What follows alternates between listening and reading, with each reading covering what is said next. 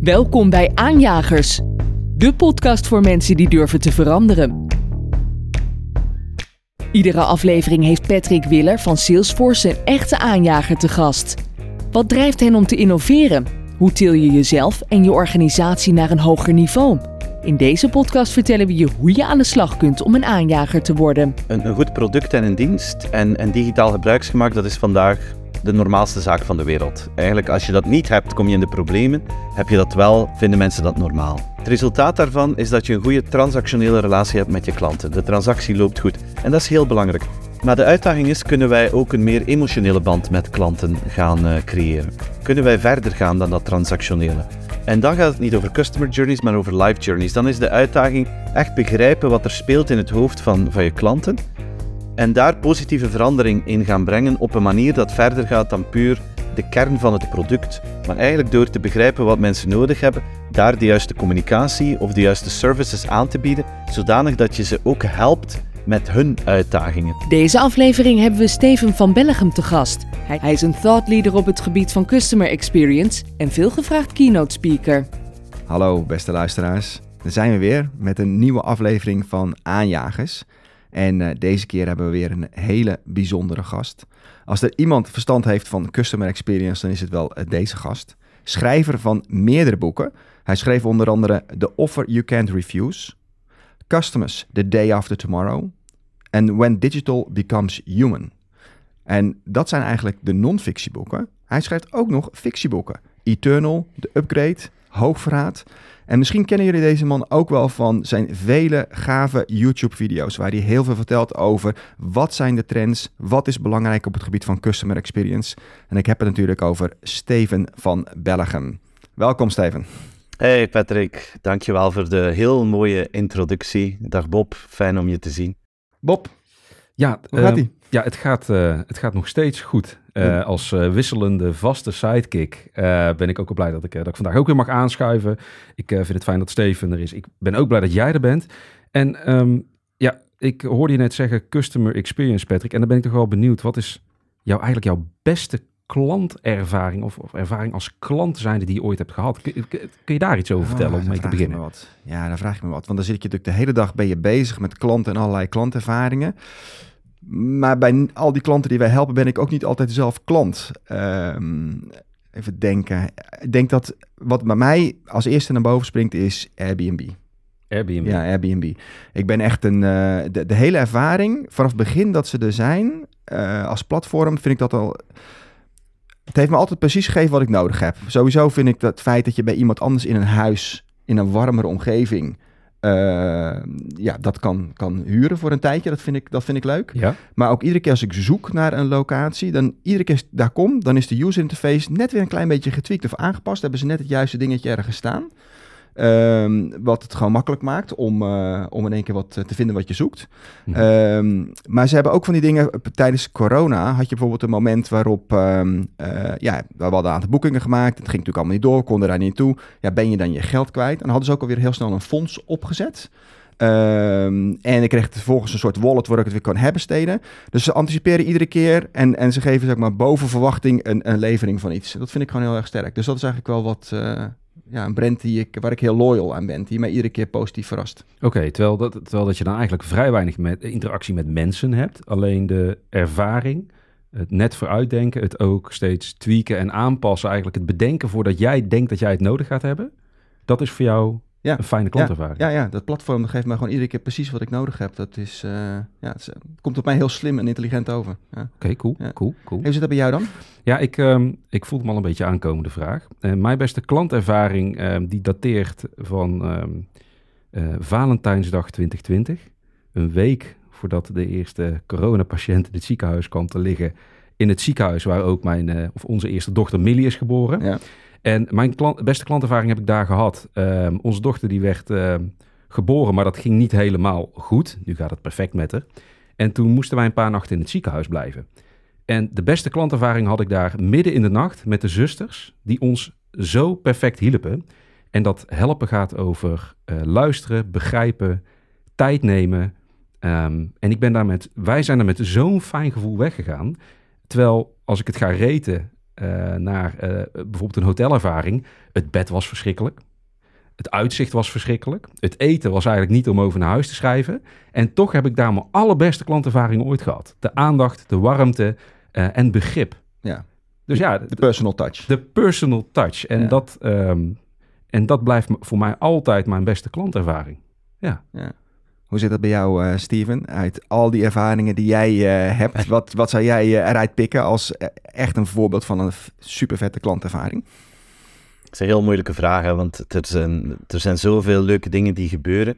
Maar onlangs, het, het- bij, bij mij zijn het eigenlijk vaak heel kleine dingen die, die mij een heel goed gevoel geven. Onlangs hadden we een, wou ik een Spaanse avond bij ons thuis organiseren. We hebben soms van die teamed dinners die wij met vrienden organiseren. En, en wij hadden gekozen Spaanse, Spaanse avond. En ik, ik kook heel graag, dus ik had paella gemaakt, ik had wat tapas gemaakt en dat soort dingen. Maar als er één ding is dat ik niet graag doe en niet goed kan, dan is het desserts maken. Ik, eh, ik ben totaal geen dessertpersoon. Ehm, maar ik wou zo van die crème catalan als, eh, als dessert. En bij ons in de buurt ehm, is er een ongelooflijk goede bakkerij. Echt eh, top. Dat is de voormalige patissier van een drie-sterren Michelin-restaurant, die nu zijn eigen bakkerij heeft gemaakt. Dus die hebben heerlijke taartjes en fantastisch brood. En ik dacht, ik, ik bel eens naar hen. Dus ik bel naar de, de mevrouw die die winkel runt, naar Lisbeth. En ik zeg, Lisbeth, ik eh, geef een Spaanse avond. Hebben jullie crème catalan? En die zegt, ja, we hebben dat eigenlijk nog nooit, eh, nog nooit gemaakt. Ja, zegt ze, voor, voor hoeveel personen is dat? Ik zeg, ja, voor, voor 16 toch wel. Ja, en ze zegt, ik moet eventjes vragen aan Brecht, haar man, de, de bakker. En ik hoor ze zo roepen, Brecht, eh, kan jij crème catalan maken? en hij zegt, ja, ik heb het nog nooit gedaan. Ja, ik weet het, maar kunnen we dat doen? Oh ja, dat is goed, dat is goed, ik zal dat maken. Tegen wanneer? Zaterdag. Goed, 16 personen. En Lisbeth komt terug aan de telefoon en die zegt, Steven, het is in orde. Zaterdag, 16 personen. Eh, kom er maar om, we hebben dat nog nooit gedaan, maar we gaan dat met veel plezier uitproberen. En dat, dat, dat is voor mij echt een top customer experience. Dat klinkt nu heel eenvoudig, hè, maar het is zo makkelijk om nee te zeggen. En je krijgt zo snel een nee als je eens iets vraagt dat een beetje buiten het normale ligt. Ja. Eh, een vriendelijke nee, heel vaak, eh, dat je eigenlijk schrikt als het dan plots heel makkelijk een ja wordt. En daar word ik heel enthousiast van. Als je een onverwachte ja krijgt bij een moeilijke vraag, en dat was zo'n voorbeeld, en ja, dat, dat, dat charmeert mij enorm, die, die instelling, die positieve mindset. En ehm, eh, als, die, ehm, als je aan de telefoon een nee had eh, gehoord, hè, dan was het aanbod nog steeds hetzelfde. Het was nog steeds een, eh, een, een meesterbakker, om het zo maar te noemen. Het blijft nog steeds een, een prachtige bakkerij, maar was jouw gevoel dan anders geweest? Ja, ik, had dat ook wel, ik heb er ook wel begrip voor als mensen zeggen ik kan dat niet of, of we hebben daar niet de middelen voor. Dus ik was daar zeker klant blijven zijn en ik had waarschijnlijk alternatieven gezocht. Maar nu, eh, ik moet eerlijk zijn, dat, dat kleine moment heeft voor mij echt voor een, voor een lift gezorgd in, in mijn perceptie van hen. En dan zeg je, die zijn niet gewoon technisch heel goed in wat ze doen. En dat product is niet enkel de, de top van, eh, van België. Maar ook de manier waarop zij omgaan met hun klanten en de flexibiliteit die ze dan ook hebben om hun talent in te zetten. Ja, daar, daar word je echt heel warm van. Hè? Ja. Herkenbaar. Dat is ook net dat stukje extra wat je dan eigenlijk eh, misschien niet verwacht. Je stelt de vraag wel, maar je krijgt toch net even wat extra's. En het is ook op een leuke manier verpakt, waardoor je dan enthousiaster wordt. Ja. En dat is, Weet je, het is zoveel, zoveel sorry dat ik je onderbreek, gang. Patrick, maar er zijn zoveel, het zijn zoveel bedrijven die professioneel getraind zijn momenteel om nee te zeggen. Als er een vraag komt die een beetje buiten het normale ligt, dan zijn ze heel goed geworden om op een vriendelijke manier nee te zeggen. En veel bedrijven starten bij een nee en pas als je heel hard aandringt, eindigt het soms eens met een ja. Je moet je eens voorstellen als iedereen zijn mindset zou veranderen en zou beginnen met een ja. En als er een vraag komt die misschien buiten het normale ligt, dat zien als een uitdaging of dat zien als een kans om iets uitzonderlijk te doen voor een, voor een goede klant. Als je begint bij die ja en zegt aan die klant, wij gaan dat proberen te regelen voor jou. En dat lukt niet altijd en, en soms zal dat ook niet kunnen. Maar als je start met ja en af en toe eens eindigt met nee, dan krijg je een heel andere situatie dan wanneer je start met nee en af en toe ook eens een ja, Ja. gaat brengen. En gewoon die mindset omdraaien in een organisatie kan wonderen verrichten qua cultuur, qua klantgerichtheid. Ja, absoluut. Het heeft ook heel veel te maken met de psychologische veiligheid. Hè? Als je binnen een organisatie uh, in, in een groep mensen zit en je komt met een leuk idee en iedereen zegt van nee, want ja, we hebben het al een keer geprobeerd of nee, want we hebben geen budget. Nou, dan kom je misschien nog een keer met zo'n idee en krijg je weer nee. En op een gegeven moment stop je met het inbrengen van ideeën. En dan krijg je op een gegeven moment ook een beetje een giftige cultuur. Want ja, dan gaat op een gegeven moment niemand meer met leuke ideeën komen. En ja en is natuurlijk juist, ja, dan wordt het alleen maar groter en alleen maar beter. Maar... Of wat ook heel, uh, heel interessant is, als... Uh af en toe als ik daarover praat, dan zeggen mensen in bedrijven, ja, maar wat als elke klant dat begint te vragen? Ja. En ik, dan... vind, ik vind dat een, een fenomenaal iets, hè, want als elke klant iets vraagt, dan betekent het eigenlijk dat het super waardevol is en dat je het zo snel mogelijk moet gaan, gaan doen. Dus dan heb je daar een kans om te anticiperen. Als het een uitzonderlijk verzoek is, dan is de kans dat iedereen dat gaat vragen net heel klein. Dus dat, dat, is voor mij het omgekeerde van een, het omgekeerde argument om niet in die richting te gaan. Heb je nog meer tips? Want het is best lastig voor organisaties. Ze bedenken, bedenken een structuur. Ze geven alle medewerkers dan uh, een bepaalde instructie om zich aan die structuur te houden. En dan gaan klanten daar dan van afwijken. Wat kunnen organisaties dan doen om meer uh, lenig, agile is natuurlijk eigenlijk het Engelse woord. Ik vertaal het even naar ja, Nederlands. Ja, het klinkt toch altijd een beetje raar lenig uh, te zijn. Heb je daar wat, wat meer tips voor, een handvaat, uh, Steven? Ja, ja, ik denk uh, op dit moment is dit uh, een superbelangrijke discussie, omdat heel veel bedrijven hebben de uitdaging dat budgetten onder druk staan, dat uh, kosten stijgen en dat er onzekerheid is qua, qua omzet. En dan wordt er heel snel gekeken, moeten wij niet besparen op onze klantgerichtheid? Ik vind dat een gevaarlijke discussie, omdat klantgerichtheid is niet zoals een kerstboom. Je kan dat niet zo makkelijk aan en uitzetten wanneer het je uitkomt. Je kan het makkelijk uitzetten, maar aanzetten is enorm, enorm moeilijk. Hè? Als je afvraagt van, heb je daar een voorbeeld van? Denk aan Schiphol deze zomer. Die hebben twee jaar het uitgezet en als dat dan terug aan moet, ja, dan heb je de hel op, op vlak van customer experience. Dus de uitdaging zal zijn het komende jaar efficiënter worden en op hetzelfde moment klantgerichter. En er zijn zo'n aantal dingen die ik daarbij bedrijven aanbeveel. Het eerste is toch eens kijken naar digitaal gebruiksgemak. Want heel vaak lopen mensen nog altijd vast op een website of in een app dat ze iets eenvoudig zoeken maar het niet, niet vinden. En wat gebeurt er dan? Dan moeten ze bellen of moeten ze een mailtje sturen. En dan moet jij die telefoon beantwoorden of het mailtje beantwoorden, kost tijd. Dus je kan eigenlijk proactief je werk verminderen door meer te delen op een eenvoudige manier. En op hetzelfde moment klanten daar beter mee te helpen. Dat is een, dat is een eerste tip om te bekijken. Ja.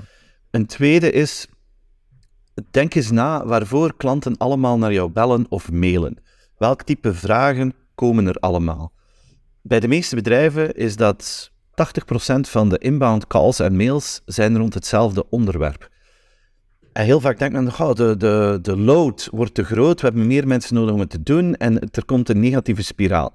Terwijl het ook interessant is om te kijken, wat kunnen wij proactief gaan doen om ervoor te zorgen dat dat telefoontje niet meer nodig is. Ik ga een heel eenvoudig voorbeeld geven, maar deze zomer hadden wij een uh, vakantie gepland in de Verenigde Staten uh, met ons gezin. En we waren super enthousiast, want midden juni, ik weet niet of je dat nog weet, midden juni werd er beslist dat je geen COVID-test meer nodig had om Amerika binnen te gaan. Mhm. Dus goed, wij enthousiast dat we van dat gedoe verlost waren. En we vlogen met KLM naar uh, Las Vegas op uh, eh, 1 juli. Twee dagen daarvoor krijg ik een mail van KLM binnen die zegt: Let op, Steven, bij ons heb je nog altijd een COVID-test nodig om naar de Verenigde Staten te gaan. En ik was in de war, omdat dat niet strookte met het, uh, met het nieuws. Ja. Dus ja, wat doe je dan? Dan neem je de telefoon en denk je, ik ga toch eens bellen naar KLM om te weten wat is daar aan de hand. Dus ik bel, super druk, drie kwartier aan de lijn. Dan krijg ik een super lieve, vriendelijke mevrouw. Ik leg haar dat uit en die zegt, ja meneer, het, je hebt volledig gelijk, dat is een foute e-mail, dat is foute informatie. Je hebt helemaal geen COVID-test meer nodig. En ik kon het niet laten om te zeggen van, kijk mevrouw, ik heb je drie kwartier gewacht, u moet tijd investeren om mij te helpen. Is het niet eenvoudiger als jullie die mail niet meer sturen? Ze zegt, ik weet het, je bent zeker al de honderdste persoon die ik vandaag aan de lijn heb met exact diezelfde vraag. Dan heb ik een berichtje gestuurd naar mensen die ik ken bij KLM en gezegd, jongens, misschien kun je daar iets aan doen. En dan zeiden ze, ja, we zijn vergeten die newsletter die uitgaat, die automatische newsletter, die kunnen we pas binnen een week of zo terug afzetten. En dan denk ik van, hoeveel passagiers hebben zij die naar Amerika vliegen, die die foute informatie krijgen, die allemaal bellen, daar moet je niet over twijfelen, die bellen allemaal. Ja. ja. dan creëer je je eigen chaos toch een beetje. Dus proactief gaan nadenken van hoe kunnen we problemen vermijden, helpt al enorm veel. En de, de derde tip uh, heeft alles te maken met empowerment. Als je een bedrijf hebt, hoe groot of hoe klein het ook is, zorg ervoor dat jouw medewerkers, die klanten zien, zelf kunnen beslissen wat zij doen als er een vraag komt. Dat zij zelf kunnen compenseren, dat zij zelf kunnen ja of nee zeggen. In heel veel gevallen moet de medewerker het dan vragen aan de baas van ik heb hier een vraag gekregen, wat denk je? Die antwoordt of antwoordt niet, of het duurt eventjes. En dan moet die medewerker terug naar die klant gaan. Dus je hebt daar een hele fase tussen die je eigenlijk veel makkelijker kunt verwijderen door die medewerker die, die kracht te geven om dat zelf te beslissen. Plus, die klant gaat veel enthousiaster zijn, want die heeft niet moeten wachten en die denkt van, wow, die zijn hier best wel snel om, uh, om mij te helpen. Dus die klant heeft ook nog een topgevoel. Dus uh, dat is eigenlijk, denk ik, de mindset die we nodig hebben het komende jaar. Van hoe kunnen we nodeloos tijd, nodeloze tijd die wij investeren als bedrijf, schrappen, daardoor efficiënter worden en net daardoor eigenlijk onze klantentevredenheid ook nog eens verhogen. Ja, ik vind drie hele mooie punten. En met name die laatste lijkt me ook voor de medewerkers in kwestie veel leuker. Om veel vrijheid te krijgen om zelf na te denken en te kijken hoe je die klanten beter kan helpen. Ja, toch? Nou ja, ik, ik denk, um, ik ga even terug naar mijn uh, studententijd. Naar mijn weekendbaantje in een elektronicazaak. En um, uh, op het moment dat jij autonoom uh, kunt gaan beslissen als verkoopmedewerker dan uh, wordt jouw werk leuker en dan krijg je ook meer binding met je klant. Want ik ben van mening dat uh, uh, heel veel organisaties eigenlijk de klanten hebben verpest. Dus de klant gaat bepaald gedrag vertonen, omdat dat nou eenmaal het beste werkt. Dus degene die het hardste roept, die krijgt het meest voor elkaar. Dus ik loop een winkel binnen, ik ben het ergens niet mee eens en ik roep, ik wil de manager spreken. Maar dat is geen gedrag wat uh, mensen vanuit zichzelf vertonen. Dat is iets wat je eigenlijk um, als organisatie ja, gecreëerd hebt. Ja. Dat dat helpt, hard schreeuwen. Terwijl als je aan de voorkant al een medewerker hebt die autonoom kan handelen, die dus daarom ook zich verantwoordelijk voelt voor de toko waar hij of zij in werkt, ja, dan, dan denk ik dat het voor heel veel partijen een veel leukere ervaring ja. wordt. Wat de, de digitale variant ervan is ook wel grappig. Soms heb ik zelf als klant wel eens de behoefte om even hard te schreeuwen als ik ontevreden ben over een bepaalde service. En dan zit je aan de andere kant. En dan, uh, het enige waar je tegen kan schreeuwen is een chatbot. En dan kom je er ook niet altijd helemaal doorheen. Uh, uh, of je probeert een e-mailadres te vinden of een telefoonnummer om dan even een persoonlijk contact te hebben. Graag heb ik, vaak heb ik heel veel behoefte om even met iemand een gesprek te hebben. Net zoals Steven zegt, je wil even iemand bellen van de KLM om gewoon meteen een dialoog te hebben met elkaar. En soms kom je dan op een... Pas geleden had ik een bedrijf, ik zal de naam niet noemen, want dat is niet leuk voor dat bedrijf. Maar ik had een mailtje gestuurd uh, met mijn klacht. En toen kreeg ik een automatisch bericht terug. Waarin stond dat binnen 10 werkdagen ik een reactie kreeg op mijn uh, mailtje. Ja, die, uh, dat, dat, dat vergeet ik niet meer, zo'n zo'n klantervaring. oh nee. mijn god. Ja. Kijk, en we zijn allemaal nu, denk ik, redelijk geconditioneerd. Dat op het moment dat mij iets niet bevalt aan een organisatie. Ik hoef me op Twitter een bepaalde, bepaalde hashtag te gebruiken.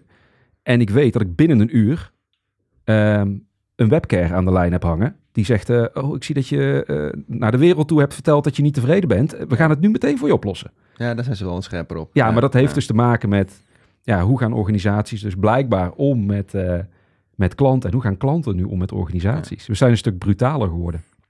Jij gaat terug naar jouw uh, studententijd. Ik ben ook wel heel benieuwd uh, als we een stukje tegen de tijd gaan uh, van, van Steven. Ik had een quote gevonden op een van jouw website of een van je boeken. I dream in of a world with happy customers that share their excitement with all of their friends and family. En dat merk je ook wel in alles wat jij doet, Steven. Maar op welk punt in tijd, welke leeftijd had je en waar was je op het moment dat je die, die zeg van nee, maar deze richting ga ik op. Ik ga dit doen. Ik ga keynotes geven. Ik ga schrijven. Ik ga die visie uitdragen. Ja, dat is natuurlijk een beetje organisch ge, gegroeid. Hè? Het is, um, ik, heb, ik heb altijd, of in de eerste fase van mijn carrière was ik eigenlijk een, een marktonderzoeker. Ik heb eerst in, een business school gewerkt en dan heb ik twaalf jaar meegebouwd aan Insights Consulting. Um, ja, we waren toen met, met acht medewerkers toen ik, uh, toen ik mee aan boord kwam van dat bedrijf. Vandaag zijn ze met 1500. Um, en ik heb daar twaalf jaar mee mogen bouwen, mee een van de partners geweest. En, en wij, mijn rol was eigenlijk daar eh, bestuderen hoe internet de manier van communiceren en aankopen aan het veranderen was. Je moet rekenen, we spreken nu het jaar 2000 ongeveer. Ja. En dat is, ik ben daar blijven research over doen. Ik heb daar heel veel presentaties over gegeven. Er was daar niet zoveel data van en wij hadden data, dus wij werden overal gevraagd. En, en ik presenteerde graag. Ik heb dat heel vaak gedaan. En dan, um, daarna kwam social media, heel veel onderzoek rond social media gedaan. En op zeker moment, ik weet dat nog goed, kwam uh, Steve Ballmer naar België, de toenmalige CEO van uh, jullie goede vrienden. Hè? Ja.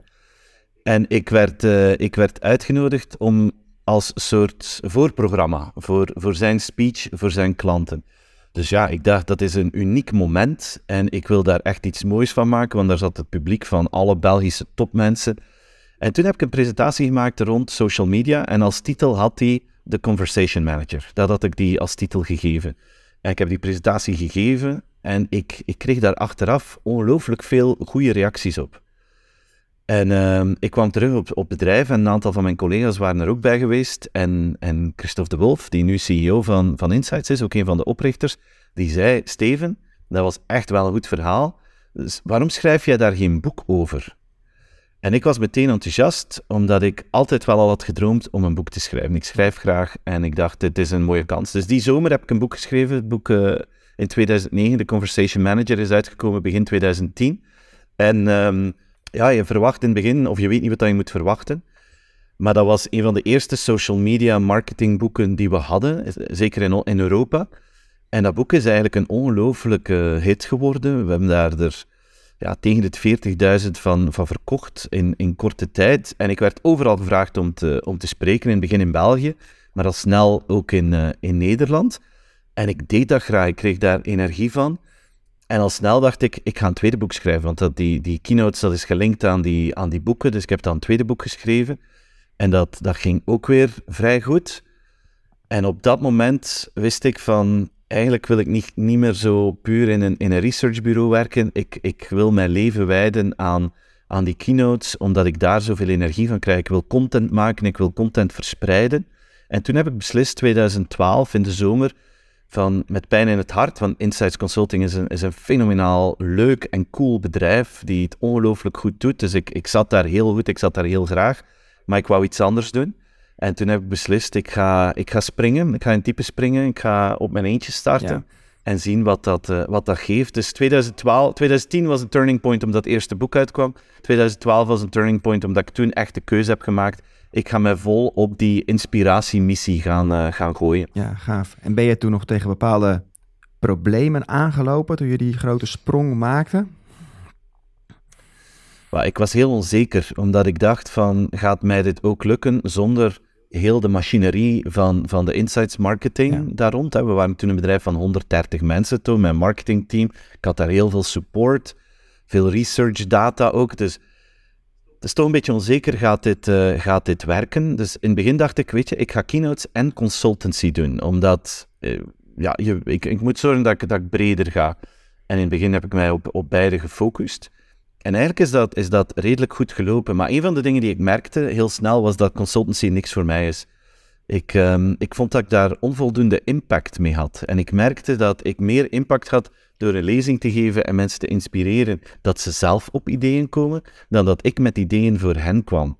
Ja. En dan heb ik eigenlijk na anderhalf jaar, misschien twee jaar, ik weet niet meer goed, beslist van, ik ga dat niet meer doen. Ik, ik doe geen advieswerk meer. Ik wil onafhankelijk zijn en ik wil puur mijn ideeën kunnen delen zonder te denken, er moet daar een consultingverhaal of een productje aangekoppeld zijn. Gewoon wat ik denk dat op dit moment relevant is, dat wil ik gaan, uh, gaan delen. En eigenlijk die keuze is denk ik nog de beste geweest door mij daar puur op te focussen, want eigenlijk is het dan nog veel harder gegaan en kon ik mij 100% daarmee bezighouden. En dan, ja, op een paar jaar tijd ben ik eigenlijk internationaal heel veel kansen gekregen om, om te gaan spreken. En ben ik super blij dat ik die keuze heb, uh, heb gemaakt om dat zo te gaan doen. En dan eigenlijk kort daarna, 2014 ongeveer, heb ik samen met Peter Hinze uh, een bedrijf opgericht, dat noemt Nextworks. We hebben nog altijd dat bedrijf. En dat is een soort inspiration agency, waarbij wij bedrijven echt op grote schaal inspireren en bedrijven uh, inspiratiereizen voor hen organiseren. Dus dan nemen wij mensen mee naar Silicon Valley, gaan wij naar de Salesforce headquarters om, om jullie knowledge te, te horen rechtstreeks van de bron. Gaan wij naar grote bedrijven, gaan wij naar New York, gaan wij naar Dubai, naar Singapore, naar China, naar, naar Japan. Om mensen eigenlijk live die inspiratiesafaris aan te bieden. En dat is ook een heel leuk bedrijf. We zitten daar momenteel met, met een vijftiental mensen en we werken internationaal voor heel mooie klanten, waarbij we dat soort diensten mogen aanbieden. Maar het leuke voor mij is, we hebben daar een fantastisch managementteam met jonge getalenteerde mensen die dat bedrijf runnen. En ik mag mij opnieuw focussen op wat ik het, het liefste doe. Ik mag daar ja, me ook mee inspireren, zonder dat ik operationeel het bedrijf moet mee runnen. Ja, En dat is eigenlijk mijn droom, om op die manier verder te gaan, dat ik puur, puur 100% inhoudelijk kan bezig zijn met wat ik graag doe. Ja, en als je weer meegaat op dat soort safaris, dan word je ook weer onwijs geïnspireerd met nieuwe, Ja. met nieuwe input natuurlijk. Ja. Ehm, Ja. eh, wij doen ook wel eens van die eh, safaris. Eh, veel gaan naar China. De, de laatste tijd heb ik daar niet zoveel meer over gehoord. Wat zijn nu op dit moment de... eh, Ja, ik kan wel een reden verzinnen waarom, maar... eh, maar wat zijn nu eh, de safaris waar, eh, waar je het meest inspiratie uit haalt? Waar, eh, waar het meest om gevraagd wordt? Ja. Waar Wij, zijn, wij zijn heel veel naar eh, San Francisco geweest. Ik toch denk nog dat steeds ik, Silicon Valley waar het... eh, Ja, maar daar, daar heb ik honderd zo'n tours gedaan, denk ik, voorbij tien jaar. Maar eh, vorig jaar bijvoorbeeld zijn we naar Los Angeles geweest. En dat, dat valt soms zo'n beetje uit de boot. Iedereen kijkt naar San Francisco, New York. Maar ik moet zeggen, de, de, de vibes die ik vorig jaar in LA heb gevoeld, dat vond ik ongelooflijk. Ik, sta bijna nog, ik heb bijna nog het enthousiasme vandaar. Die, die positiviteit, die can-do mentality, dat, dat ligt misschien aan het mooie weer daar en aan het strand en aan de, aan de sfeer in LA.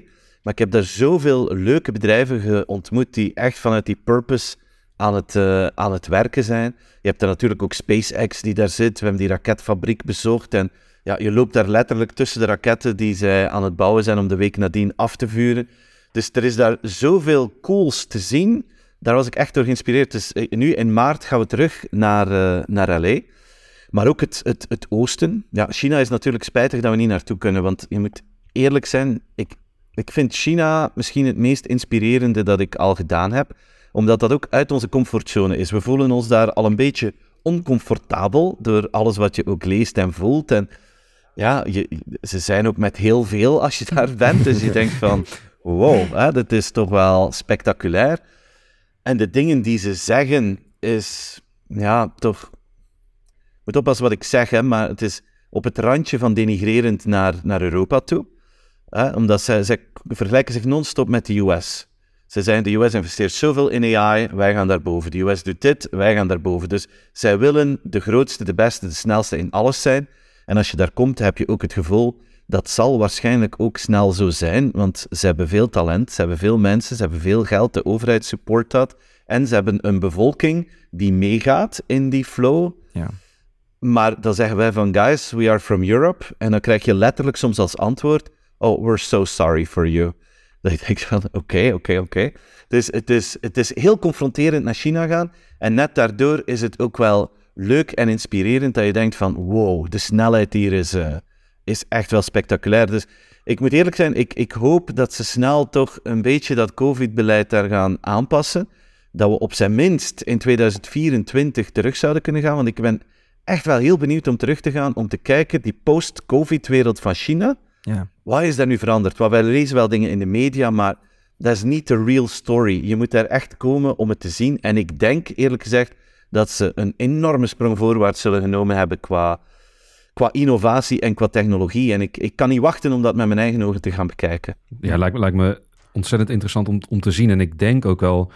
Kijk, jij geeft eh, aan dat, eh, dat er vanuit eh, China misschien wat eh denigrerend naar ons toe gekeken wordt. Maar ik denk dat we ook niet moeten vergeten dat we jarenlang over China gezegd hebben dat het een copycat society was. Alles maar namaken, maar dan net niet zo goed als Europa Ja. of als de US.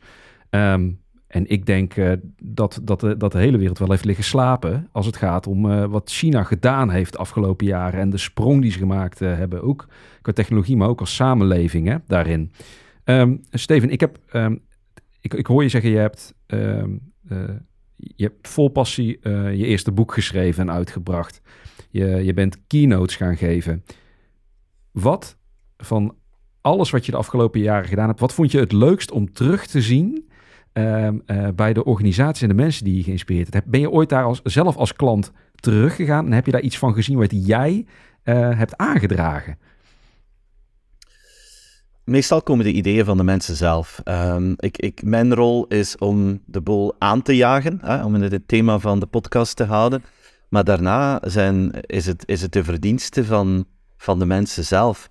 Maar het is wel leuk als je terugkijkt dat, dat, dat sommige bedrijven echt in actie geschoten zijn nadat ik, nadat ik er ben geweest. Maar ik zei het, mijn verdienste is op dat vlak het begin. Zij hebben het waargemaakt. Maar misschien een van, een van de leukste, uh, die, die ook heel visibel is, zeker op de Belgische markt, is het verhaal van Club Brugge. Uh, mijn favoriete voetbalploeg. En um, het is al een tijdje geleden hoor, maar, maar in, ja, ik denk 2013 of zo kwamen er nieuwe eigenaars en wilden ze het bedrijf professionaliseren. En een van de zaken waarop dat zij echt wilden een voorloper zijn, was alles wat te maken had met communicatie en social media. En dan heb ik de kans gekregen om daar mijn ideeën op tafel te leggen, um, zowel aan, aan spelers als aan staf als aan management. En zij hebben dat opgepikt. Zij hebben meteen daarin geïnvesteerd. Wat op zich uitzonderlijk was, want voetbalploegen in, moet rekenen, tien jaar geleden, ja, investeren in alles wat niet sportief was, dat, was, dat werd bijna niet gedaan. En, maar zij hebben dat wel gedaan. Zij hebben meteen een conversation manager dan ook nog aangeworven, dus dat vond ik superleuk. leuk. Als je vandaag kijkt in, in België, en, en op Europees niveau eigenlijk ook wel, zit uh, Club Brugge bij de top op vlak van, van eigen media. Ze hebben een eigen productiehuis, een eigen mediahuis gemaakt. En de content die zij maken is echt state of the art. En, en by far het beste in België en in de, in de top 10, top 20 van Europa. En dat is volledig hun verdienste. Zij hebben dat ge, gedaan. Maar ik ben wel blij dat ik daar dat waakvlammetje eventjes kunnen activeren heb. En dat ze dat warm gehouden hebben, naar iets fantastisch uitgebouwd hebben. Dat vind ik een, een, hele, een hele leuke. Een, een andere waar ik ook heel enthousiast over ben, is het bedrijf Smartphoto. Dat is een van de grootste foto-e-commerce platformen in Europa, waar je fotoboeken en zo kunt maken. En op zekere dag kreeg ik telefoon van, kreeg ik telefoon van hun uh, CEO, Stef. Die zei, Steven, wij, hebben, zijn goed bezig, we zijn heel goed bezig, maar wij willen echt de next step gaan maken op vlak van customer experience. Kan je, kan eens komen om de mensen daar enthousiast over te maken? En ik ben maar hoe langs gaan. En hoe zij daarmee aan de slag gegaan zijn, dat is, dat is onwaarschijnlijk. Zij hebben echt hun, hun mentaliteit veranderd. Zij hebben naar klanten op een totaal andere manier beginnen luisteren. Zij hebben heel dat team daarin meegekregen. Ze hebben de customer service omgedraaid. En vandaag, ja, als je de net promoter scores ziet van Smartphoto, iedereen spreekt altijd over Coolblue die het heel goed doet en die doen het ook goed.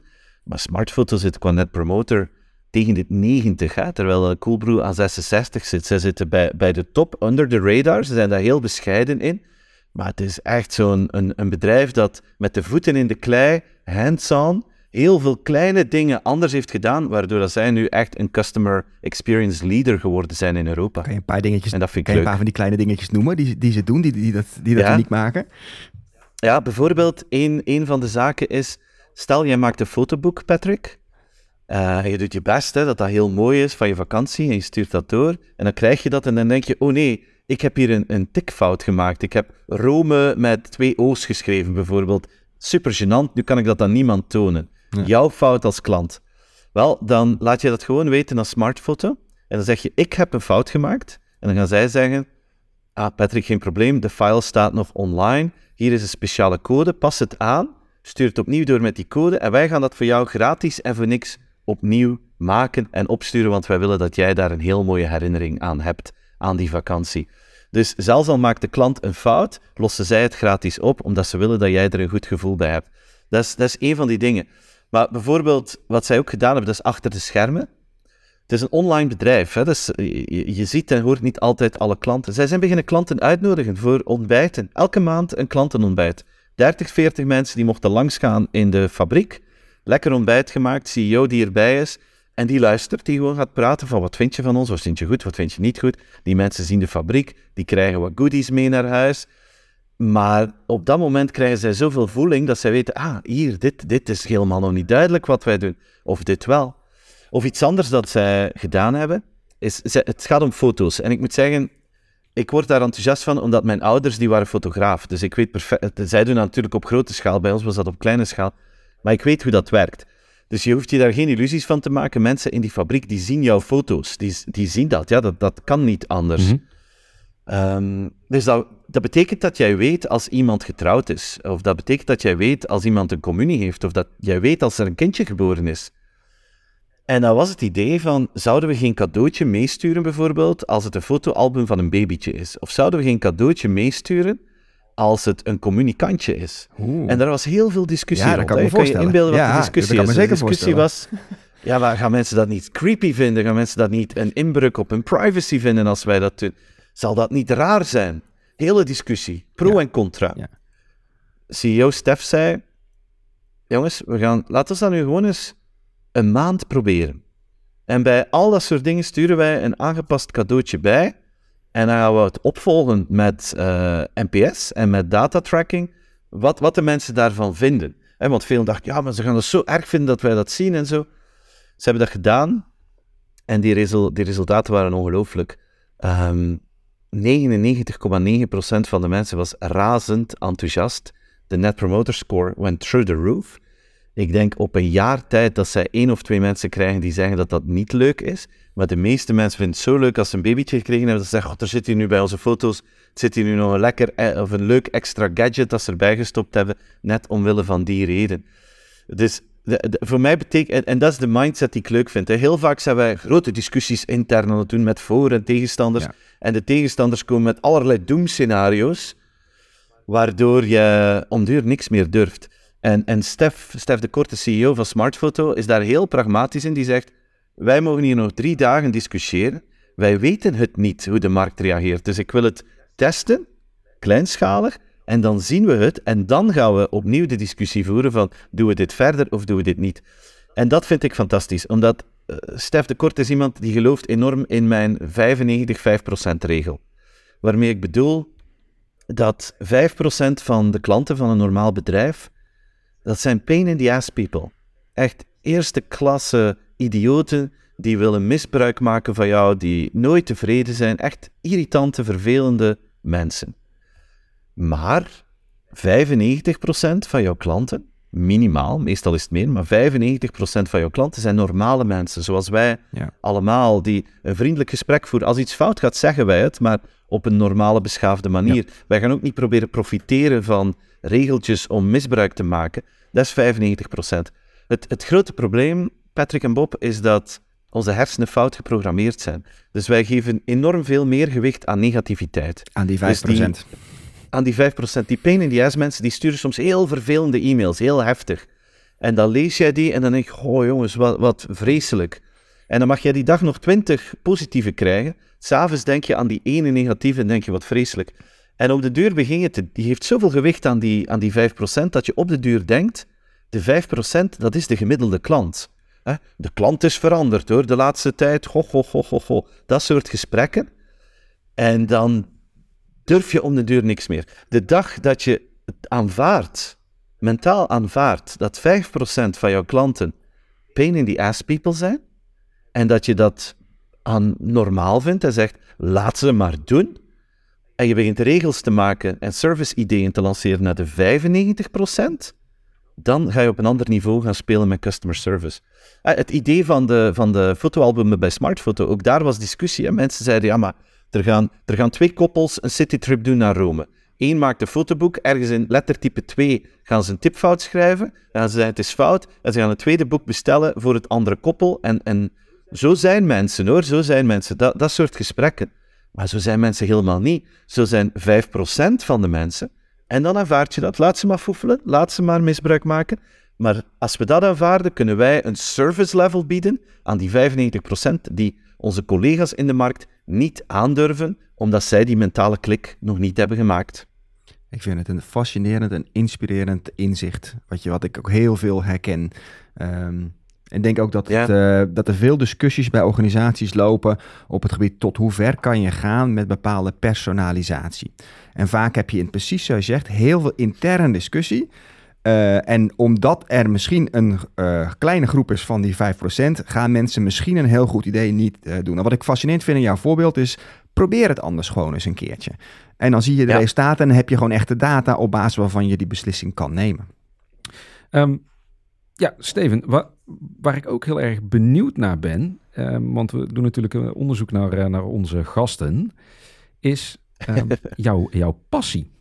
En eh, een van jouw eh, passies is bijvoorbeeld Disney. Dus als we het Ja. over klantervaringen gaan hebben, of gastervaringen, dan denk ik eigenlijk ook wel een beetje aan Disney. Kun je daar iets meer over vertellen? Ja, ik ben een ongelooflijke Disney-fan. Mijn, mijn grote droom was eigenlijk als kind om CEO van Disney te worden.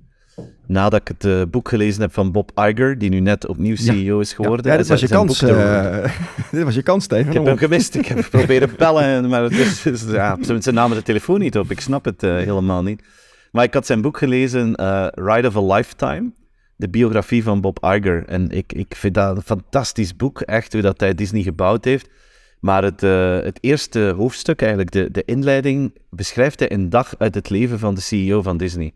En als ik dat gelezen had, dacht ik, waarschijnlijk wil ik dat toch wel niet zijn. Want dat was de dag dat uh, Disneyland Shanghai openging. Dus hij moest daar een feestelijke plechtigheid um, inluiden. En ze hebben daar 15 jaar aan gewerkt, dus dat was echt een big moment. Maar die ochtend uh, dat hij in China was, kreeg hij bericht dat er in Orlando, waar Disney World is, waar hij zijn kantoor heeft, dat er een shooting was in een danceclub. En het nieuws kwam al snel dat eigenlijk die shooter van plan was om eerst naar Disney World te gaan. Maar dat was niet gelukt en is hij naar die danceclub gegaan. Maar ze hebben zoveel personeel in uh, Disney World dat als er iets gebeurt in Orlando, dat ze altijd schrik hebben, gaat daar mensen van ons bij zijn. En een aantal van zijn medewerkers waren daar doodgeschoten in die, uh, in die club. Dus dat nieuws kreeg hij. En dan, uh, ja, dus dat is al een vreselijk begin van die man zijn dag. Ja. En een uur of, of ja, een uur ongeveer voor hij onstage moet in Shanghai, krijgt hij het bericht dat in Disney World een klein meisje die aan het spelen is aan een, aan een van hun hotels, meegesleurd is door een alligator in het water en daar ook uh, ja, doodgegaan is, dat meisje, door die, uh, door die alligator die daar, uh, die daar kwam. En dan zegt hij, en tien minuten later moet je onstage gaan om te zeggen, this is the happiest place on earth. Dus de manier dat hij dat schrijft, ik dacht van, it sounds like a cool job, but it's a hell of a job dat die mensen doen. Dus enorm veel respect voor. Maar ik ben Disney-fan. Ik ben op mijn tiende voor het eerst naar een Disneyland geweest in Californië. En mijn ouders, uh, dat komt omdat mijn tante daar in de buurt woonde, mocht ik daar naartoe. En mijn ouders, die wilden dan naar Disney World. Op mijn dertiende ben ik daar naartoe geweest. En ik denk dat toen helemaal gebeurd is. En sindsdien kijk ik naar zowat alle Disney-films. En, en moet ik om de zoveel tijd wel eens naar een Disney-park. En is een van mijn ambities om alle Disneyparken van de wereld te, te bezoeken. Dus ja, ik ben, daar, ik ben daar wel heel enthousiast over als persoon. Maar ik vind het ook een heel interessant bedrijf om te zien hoe, wat, wat, zij, wat zij allemaal doen um, qua, qua customer experience. En je merkt dat het beste in de parken, maar ook in de cruise ships uh, die, zij, die zij hebben. En de innovatie die ze eraan koppelen is, is heel boeiend. Ik blijf dat volgen. Uh, bijvoorbeeld heel de evolutie van Magic Bands, die voor efficiëntie in de parken zorgden.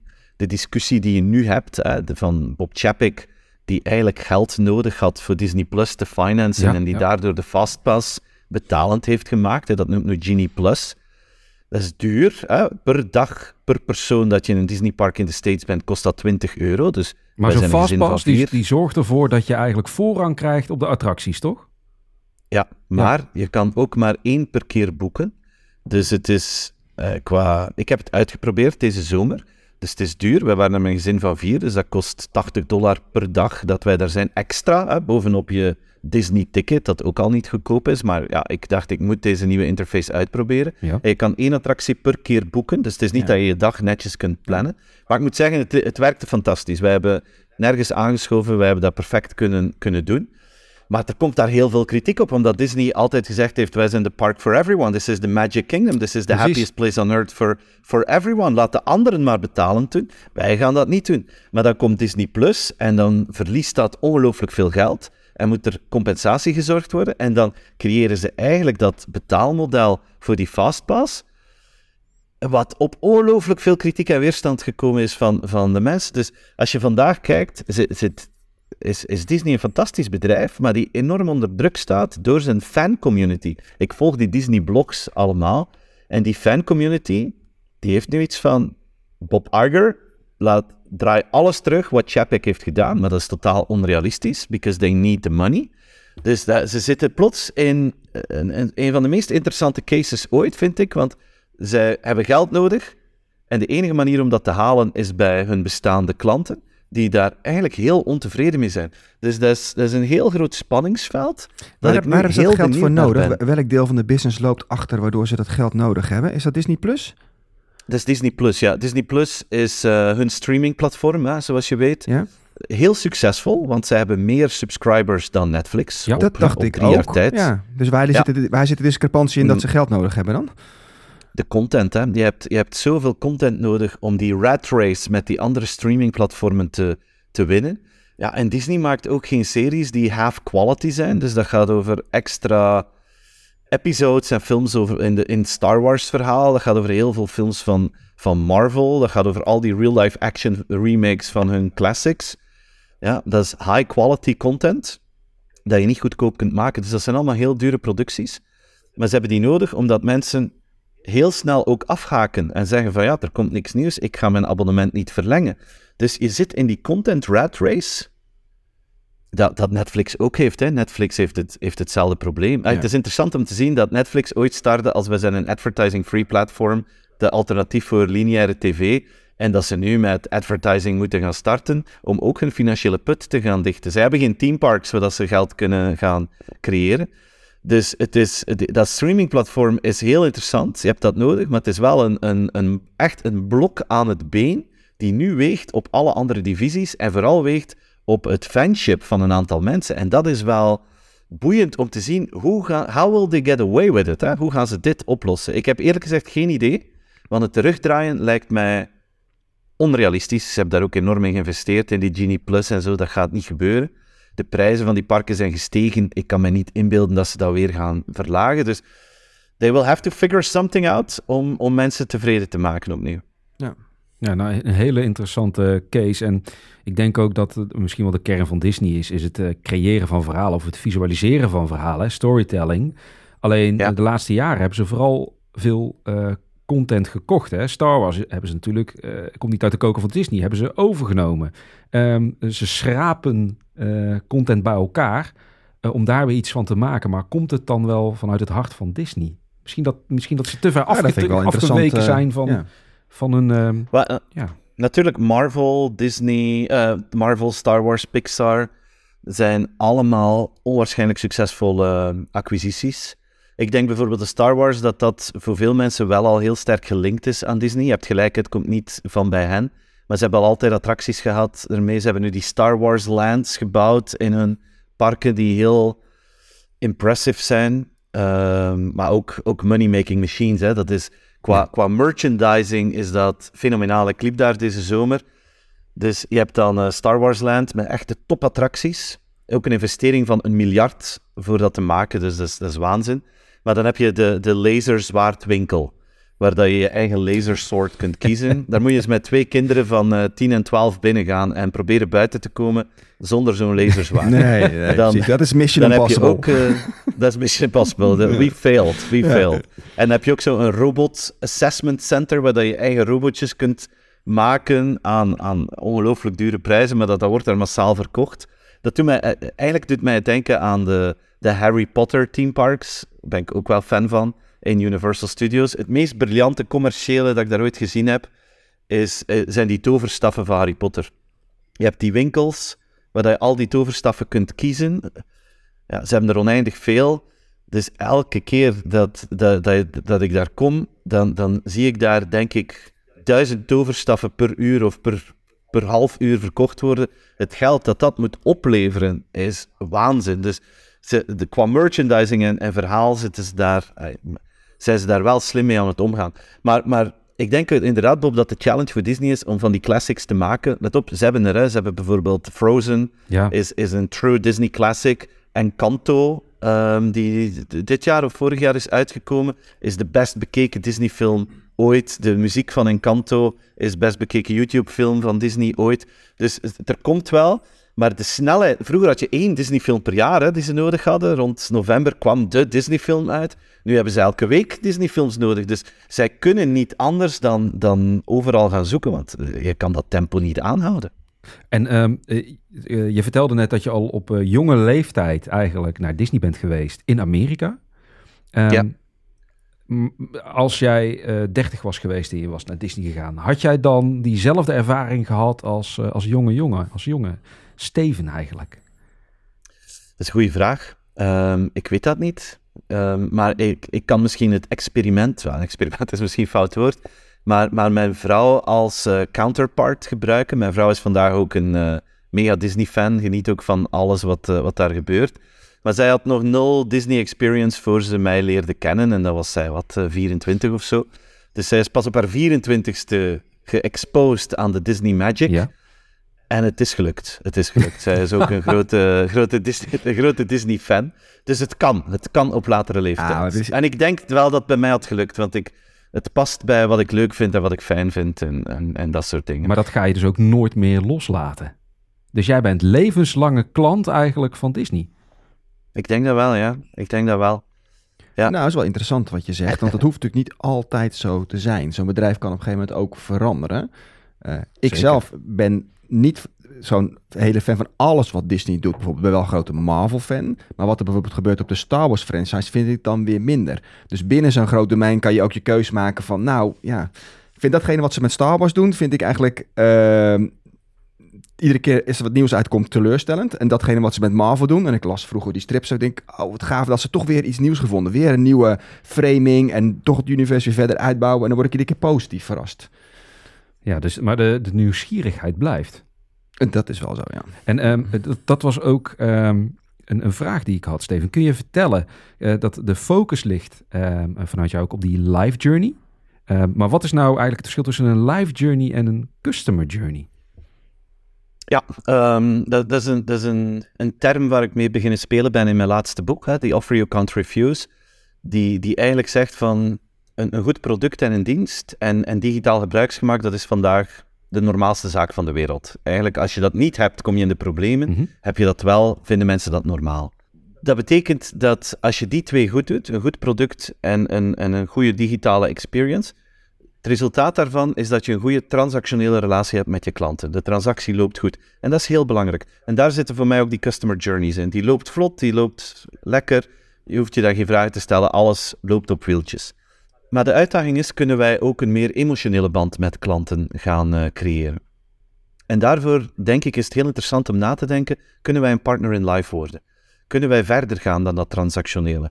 En dan gaat het inderdaad niet over customer journeys, maar over life journeys. Dan is de uitdaging echt begrijpen wat er speelt in het hoofd van, van je klanten en daar positieve verandering in gaan brengen op een manier dat verder gaat dan puur de kern van het product. Maar eigenlijk door te begrijpen wat mensen nodig hebben, daar de juiste communicatie of de juiste services aan te bieden, zodanig dat je ze ook helpt met hun uitdagingen. Hier gaat het niet over jou, het gaat over de uitdagingen van de klant en hoe kunnen we daar meehelpen positieve verandering brengen. En om, eh, maar om daarachter te komen zul je dus ook intensief contact moeten hebben met jouw klanten. Ja, inderdaad. Het, eh, het, is, het is eigenlijk ook het besef dat elke. Het is eigenlijk met mensen hè, dat we werken. En elke mens heeft een soort film van het leven in het hoofd. Met dingen die wij leuk vinden of niet leuk vinden. Onze hoop, onze ambities, onze verwachtingen. En hoe beter je die film van het leven snapt, hoe beter je er ook zal in slagen om waarde toe te voegen in het leven van mensen. Ja, mooi. Nou, het heeft ook te maken met eh, de data die je dan eh, verzamelt van mensen. Dus we komen best wel veel met eh, merken in aanraking die bijvoorbeeld, eh, nou, nee, bijvoorbeeld een pasgeboren eh, baby eh, voorzien. Bijvoorbeeld een merk zoals Prenatal. Die sturen dan een blije doos op als iemand in verwachting is. Eh, en heb je dus de data, maar ze volgen dat niet structureel op, terwijl ze precies weten wanneer die kinderen zijn geboren. Dus je hebt eigenlijk de startdatum van die hele life journey, die hebben ze. Eh, gaan ze wel wat aan doen, maar eh, er zijn veel bedrijven die daar niet echt optimaal gebruik van maken en nog veel te winnen hebben op dat gebied. Ja, nou, dan, dan mis je dus inderdaad een kans. Hè? Maar het mooie daarvan is, is dat je dus wel weet dat je er iets mee kan gaan doen in de toekomst. En wat dan? Ja, dat, dat blijft dan even in het midden. Maar je hebt de data. Doe er iets mee. Ja. Ik wilde nog wat anders vragen aan eh, Steven. Eh, we hadden het net even over eh, dat je weer graag terug naar China wil post-pandemic. Ehm, we zitten sowieso in een post-pandemic periode. En wat, wat ik heel fascinerend vind en graag jouw mening en advies en tips over wil, Steven, is... ehm, hoe ziet een, het, het, het, office van de toekomst eruit? Binnen Salesforce gaan we ook naar een nieuw gebouw toe. Ehm, en we zijn heel erg aan het nadenken over de inrichting daarvan. De manier van werken is door die pandemic zo verschrikkelijk veranderd. Ehm, daar gaan ook weer andere klantervaringen plaatsvinden. Ehm, wat is jouw beeld daarover? Hoe ziet een, een, een, een kantoor van de toekomst eruit? Ik weet dat niet zo goed, eh, Patrick. Ik vind dat een heel, heel moeilijke discussie. Eh, er, er, er zijn, te- zijn believers en non-believers van, van hybride werken, van thuiswerken, van officewerk. Ik zag recent een, uh, een studie passeren op, uh, op LinkedIn, gedeeld door uh, professor Rudy Moenaert, die, die altijd met heel scherpe inzichten komt, research-based. En, en de titel van zijn, van zijn post was Elon has a point. Um, dat de studies tot nu toe aantonen dat als mensen onvoldoende op kantoor samen zijn, en dus ook onvoldoende informele, chaotische momenten, losse conversaties hebben, dat de innovatiegraad in een organisatie beduidend daalt. Dus dat het, het samen zijn zonder reden, zonder dat dat eigenlijk objectief of rationeel nodig zou zijn, wel een sterke link heeft met de graad van vernieuwing en verbondenheid. Dus het, het full remote werk, daar, daar heb ik het persoonlijk wel moeilijk mee. Hè? De, ja. de dooddoener is, you can't build a team via Teams. Ik, ik denk dat dat ook wel zo is. Ik denk dat, dat bedrijfsleiders momenteel echt uh, zich, zich aan het dooddenken zijn van hoe kunnen wij die verbondenheid hier krijgen, hoe kunnen we innovatie krijgen, zonder mensen te verplichten om fulltime terug op kantoor te zijn. Hè? Want iedereen beseft natuurlijk ook, het, het, hybride werk is ook interessant, is ook comfortabel voor medewerkers, zorgt voor bepaalde flexibiliteit, zorgt voor minder druk op de mobiliteit, noem maar op. Er zijn heel veel voordelen ook aan thuiswerk. Dus ik, ik denk persoonlijk dat de discussie heel, veel te veel gaat over de nadelen van kantoor of de nadelen van thuis. En er wordt enorm gefocust van, kijk eens, dit kan niet of dit is weg.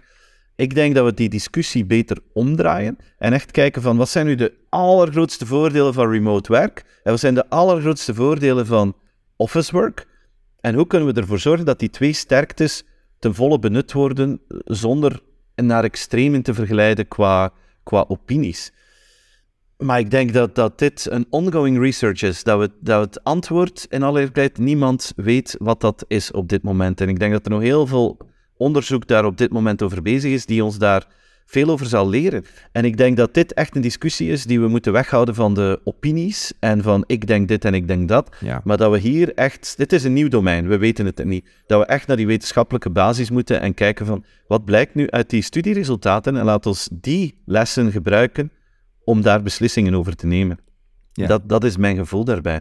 Maar ik kan, qua, qua buikgevoel snap ik wel dat innovatie en samenhorigheid daalt als je enkel elkaar ziet op een scherm. Hè? Dat, dat, dat lijkt me ergens logisch. Dus je gaat Dat- toch een manier moeten vinden om dat te, te blijven in stand houden. Ja, dat klinkt heel logisch. Omdat ook de productiviteit zo enorm gestegen is. Doordat je zelf in een kleine kamer achter een scherm ja, heel makkelijk projectplannen kan doorwerken. Je bent heel effectief, heel snel. En dan productiviteit kills creativity, eh, wordt wel eens gezegd. En dat is natuurlijk ook, er zit wel Ja. veel waarheid in.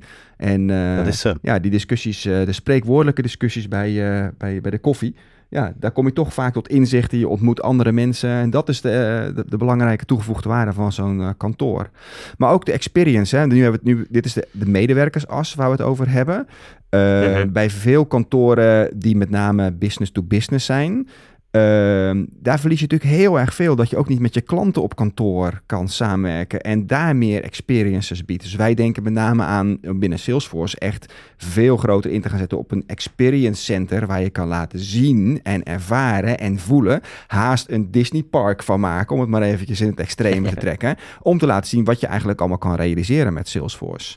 Ik denk dat dat een super idee is. Hè? Dat, dat, dat het ook de moeite is om ergens naartoe te komen. En, en ik denk dat dat voor kantoren geldt, maar dat geldt ook voor winkels. Dat geldt voor, voor alles. Dat die, het, mensen moeten gemotiveerd worden vandaag om ergens naartoe te gaan. Het is geen evidentie meer dat mensen ergens komen. Ik merk dat ook in de, in de eventwereld. Ja, ik ga heel vaak spreken op events. En, en wat je merkt is dat het heel extreem is momenteel. Je hebt events waar dat er echt massa, massa mensen zijn. En je hebt events die, die zwaar ontgoochelen. En dat heeft alles te maken met de kwaliteit die aangeboden wordt. Het is geen evidentie meer dat iemand naar jouw event zal Nee. komen. Het moet goed zijn. Het moet de moeite zijn voor de mensen, hun verplaatsing, voor hun tijd. De, en, en ze moeten er iets uithalen dat ze zeggen, dit is echt waardevol genoeg En het voor zijn mij. er veel ook, heel veel. Net als met... met, met Aanbod is gigantisch. Ik, ik, zat, ik wil weer de, eh, Ja. de, de gelijk... eh, de- eigenlijk aan Disney zit ik te denken. Ja, je moet niet... je- mensen willen nieuwe content. Maar dan lijkt me ook lastig voor jou als spreker. Ga je dan iedere keer nieuwe content bieden? Of breid je jouw verhaal uit met meer onderzoek of nieuwe resultaten. Ehm, dat lijkt me ook moeilijk, hè? Dus wat je, wat je inderdaad ziet op evenementen, content, meer content. Mensen willen meer consumeren, willen met een ervaring naar huis toe gaan. Ja, dat moet je iedere keer blijven bieden. Dat lijkt me echt moeilijk om on top of die game te blijven zitten. Ja, dat is, uh, dat is hard work. Hè? Dat is eigenlijk... Voor mij is de, is de wereld een soort safaripark. Overal waar ik kom, zie ik uh, PowerPoint slides, bij wijze van spreken. Ik denk uh, in alles, uh, ik zie alles in slides van, oh, dit is cool, of dit, hier kan ik iets mee doen. Of als iemand iets zegt tegen mij, denk ik, ah, dat is een interessante quote. Ga ik eventjes noteren, kan ik nog iets mee doen? En inderdaad, je moet heel regelmatig met, met nieuwe dingen komen. Dat is, dat is eigenlijk voor mij ook een van de redenen dat ik mijn YouTube-kanaal heb. Dat verplicht mij om elke keer opnieuw nieuwe content te brengen. Want je kan niet in iedere video hetzelfde gaan, uh, gaan verkondigen. Dus dan, dan verplicht je dat om na te denken en te gaan produceren. Moest ik dat niet hebben, dan zou je kunnen zeggen, ja, weet je, ik sla eventjes een maand over met nieuwe dingen maken. Niemand gaat dat merken. En voordat je het weet, doe je twee maanden. En voordat je het weet, doe je het zes maanden. En voordat je het weet, zeg je het jaar nadien exact hetzelfde als het jaar ervoor. En dat, uh, dat wil ik niet. Ik, ik wil altijd bouwen. En, en het moment dat een boek af is, begin ik eigenlijk mentaal aan een volgend boek te ja. denken waarover zou dat kan gaan. En ik, ik probeer dat te, te pluggen in presentaties om te zien wat werkt, wat werkt niet. En dat, dat wordt dan nieuwe content ook voor een boek bijvoorbeeld. Dus ja, dat is eigenlijk iets waar ik non-stop mee bezig ben. Je, je, vertelde nog wel net over die evenementen. Uh, dat het ene evenement het andere niet is. Wat zijn nu de evenementen waar jij komt, waar die experience echt nieuw is, uh, aantrekkelijk is, best of the best? Wat gebeurt daar? Um, nog altijd vind ik het belangrijkste op een event is de content. Um, de, de top-events waar mensen naar huis gaan en denken van wauw, dit was fantastisch, is omdat de content state of the art was. Ik ben, um, ben dit jaar te gast mogen zijn als, als spreker op het uh, Oslo Business Forum. En ik moet zeggen, qua, qua quality, dat is een two-day event. Maar qua quality van line-up van sprekers en de manier waarop dat ze dan brengen qua stage en, en light and sound en zo. Maar de kwaliteit van de sprekers is, is mogelijk een van de hoogste die ik ooit heb, uh, heb meegemaakt. En dan merk je dat daar onwaarschijnlijk veel mensen naartoe willen komen, ook heel veel voor ja. willen betalen, omdat zij weten, hier gaat het niet één goede spreker zijn en dan wordt het opgevuld met wat gesponsorde talks of zo. Maar werkelijk iedereen, twee dagen lang, die komt, is top in haar of zijn vakgebied.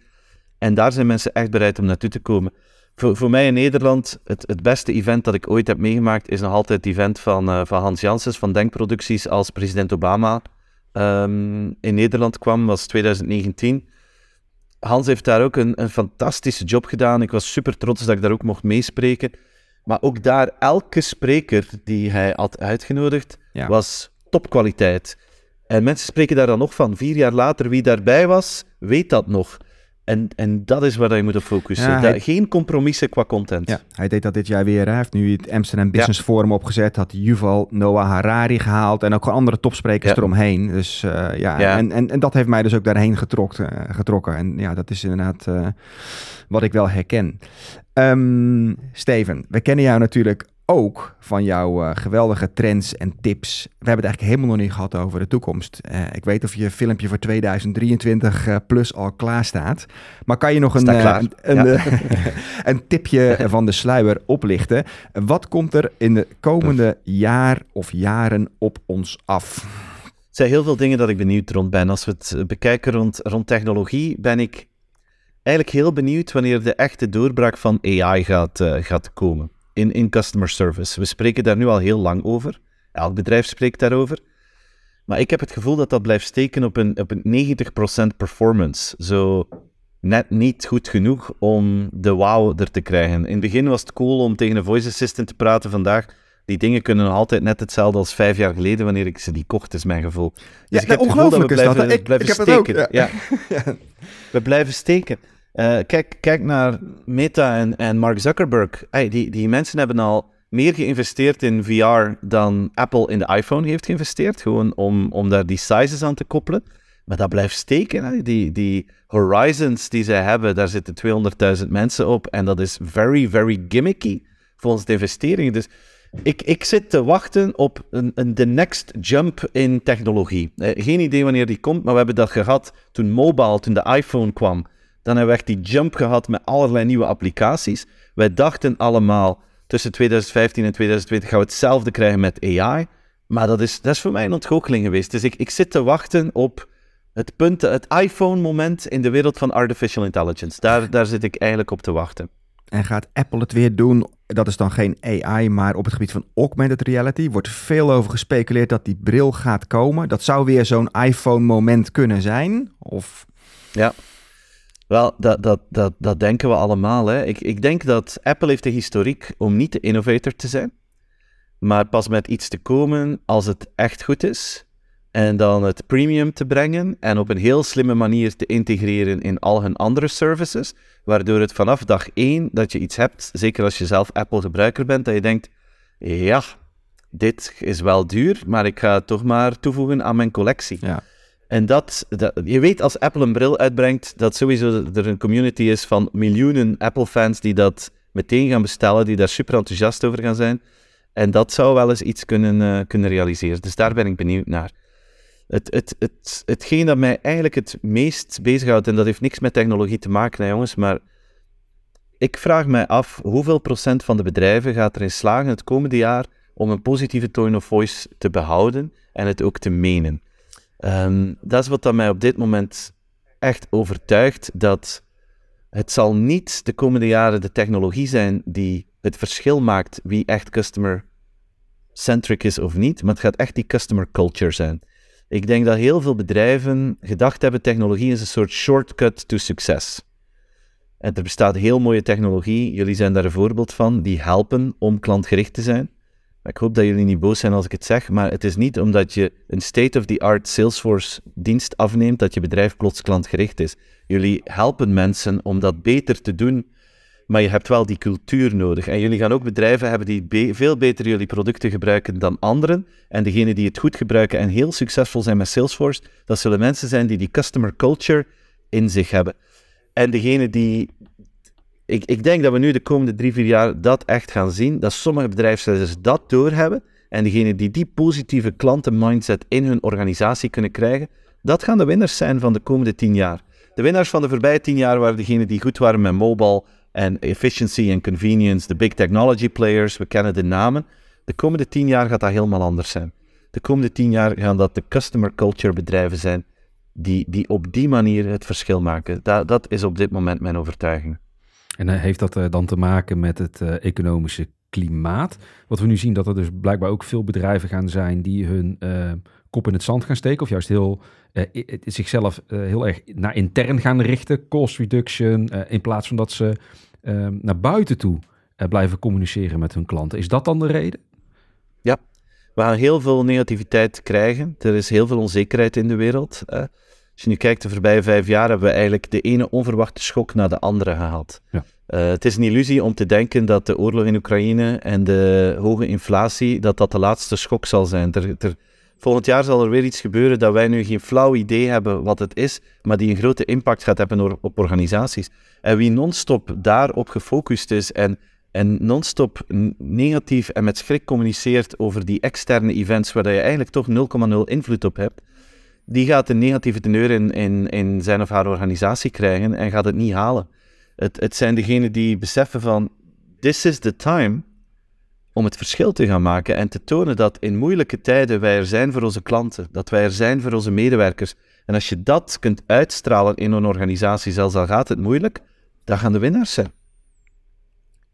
Fantastisch. Ja, fantastisch. Ik, ik, ik uh, Amen. Laten, we hier, ja, laten, we hier, laten we hier eindigen. Dat is denk ik uh, een, een uh, mooi afsluitend advies van ons hele verhaal. En tot slot wil ik jou enorm bedanken voor deze super inspirerende conversatie, Steven. Dankjewel. Dankjewel. Heel graag gedaan, Patrick Bob. Het was een plezier om met jullie te mogen praten over customer experience. Ik vond het heel fijn om hier te gast te zijn. Dankjewel voor de uitnodiging. Ja, dankjewel uh, Steven. En ook bedankt dat je je laatste boek wilde signeren. Want dat is toch een uh, te gekke prijs uh, voor onze eerste prijsvraag.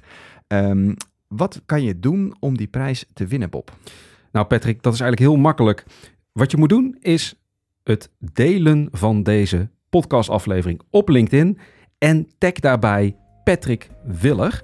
Zodat wij een winnaar kunnen gaan uitkiezen tussen al die mensen die gaan delen. En tot de volgende aflevering.